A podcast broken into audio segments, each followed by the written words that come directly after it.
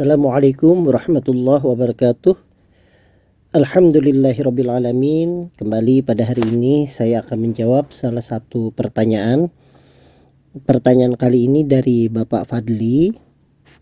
Assalamualaikum dokter. Waalaikumsalam warahmatullahi wabarakatuh. Apakah kehilangan penciuman atau anosmia merupakan gejala awal COVID-19? Bagaimana cara mengatasi hilangnya penciuman tersebut? Baik, terima kasih Pak Fadli atas pertanyaannya. Jadi materi hari ini kita kembali membahas tentang masalah COVID.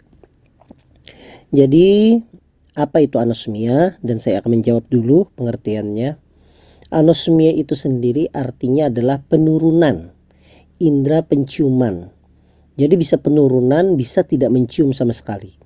Jadi kalau seandainya tidak mencium itu namanya sebenarnya hiposmia. Sedangkan tidak mencium sama sekali itu adalah anosmia. Jadi kalau anosmia itu sebenarnya adalah penurunan sampai tidak mencium dari indera penciuman.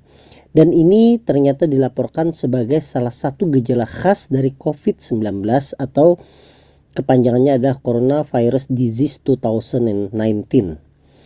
Sebagai gejala awal tentunya. Nah, kondisi ini yang paling awal ataupun satu-satunya gejala yang kadang dijumpai terutama pada kasus ringan ataupun kasus tanpa gejala. Nah, pada awal anosmia, jadi ini penelitiannya itu yang pernah dilakukan, ternyata terdapat lebih dari 40 pasien pada gejala ringan itu didapatkan adanya uh, anosmia. Tepatnya itu adalah 44,1 persen dikatakan adanya gangguan penciuman tersebut. Um, kenapa hal ini bisa terjadi? Mekanismenya sebenarnya itu masih belum dimengerti sepenuhnya. Namun beberapa studi itu mengatakan bahwa mekanisme terjadinya anosmia tersebut ada empat. Yang pertama adalah bau yang terjadi pada suatu benda atau suatu makanan atau benda apa pun itu itu tidak mencapai namanya neuron reseptor olfaktorius. Jadi di hidung kita itu ada saraf. Sarafnya itu adalah saraf olfaktorius yang berfungsi untuk menerima bau. Nah, penerimaan itu disebut dengan reseptor. Jadi namanya neuron reseptor olfaktorius. Jadi bau itu tidak sampai ke neuron reseptor olfaktorius akibat adanya kongesti. Kongesti itu artinya adanya sumbatan karena adanya peningkatan produksi lendir pada saat infeksi virus. Itu yang pertama. Kemudian yang kedua, ya, adanya kerusakan atau kematian dari neuron reseptor olfaktorius tadi ya akibat dari infeksi langsung virus tersebut. Nah, ini menarik. Kenapa dia bisa rusak? Ternyata epitel olfaktorius atau epitel atau eh, apa namanya itu? sel di saraf penciuman itu itu mengandung sel pendukung di mana fungsinya itu ternyata dia itu juga menerima uh, reseptor dari virus yang disebut dengan SARS-CoV-2 yang menyebabkan COVID-19 tersebut. Nah, gara-gara dia menerima reseptor dari virus tersebut terjadi kerusakan atau kematian dari sel-sel penerima tersebut sehingga yang terjadi adalah dia terjadinya gangguan penciuman. Itu yang kedua. Kemudian yang ketiga, itu adalah indera penciuman terganggu akibat virus yang in menginfeksi langsung neuron di otak.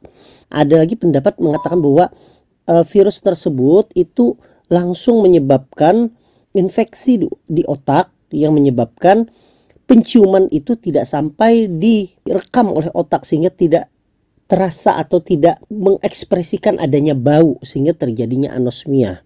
Dan yang keempat itu adalah indera penciuman itu terganggu akibat sel sustentakuler itu dirusak oleh virus.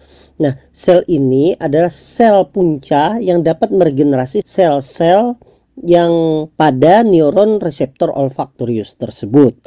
Nah, apa tepatnya? Nah, itu masih dalam penelitian tetapi dicurigai oleh para peneliti itu disebabkan karena empat penyebab itu. Tetapi kalau pertanyaannya bagaimana cara mengatasi hilang tersebut? Pada beberapa kasus itu memang penciuman itu kembali lagi, artinya itu sifatnya adalah reversible atau bisa balik kembali penciumannya tersebut. Jadi jangan khawatir. Apalagi ya kalau penyebabnya itu karena memang ada sumbatan pada orang flu-flu itu kan ada sumbatan. Nah kemungkinan kalau sumbatan di hidungnya tersebut sudah berkurang ya tentunya penciuman itu akan membaik lagi ya kalau seandainya tadi gangguannya itu di neuron reseptor olfaktorius karena kerusakan nah, kalau seandainya virusnya sudah hilang kerusakannya membaik terjadi regenerasi ya penciumannya itu akan balik sendiri sehingga jangan khawatir bahwa anosmia itu nanti juga akan membaik kalau seandainya seiring dengan kasus COVID-19 yang membaik. Berapa lama pulihnya itu? Dikatakan bahwa pemulihan dari anosmia itu memakan waktu antara 1 sampai 3 minggu.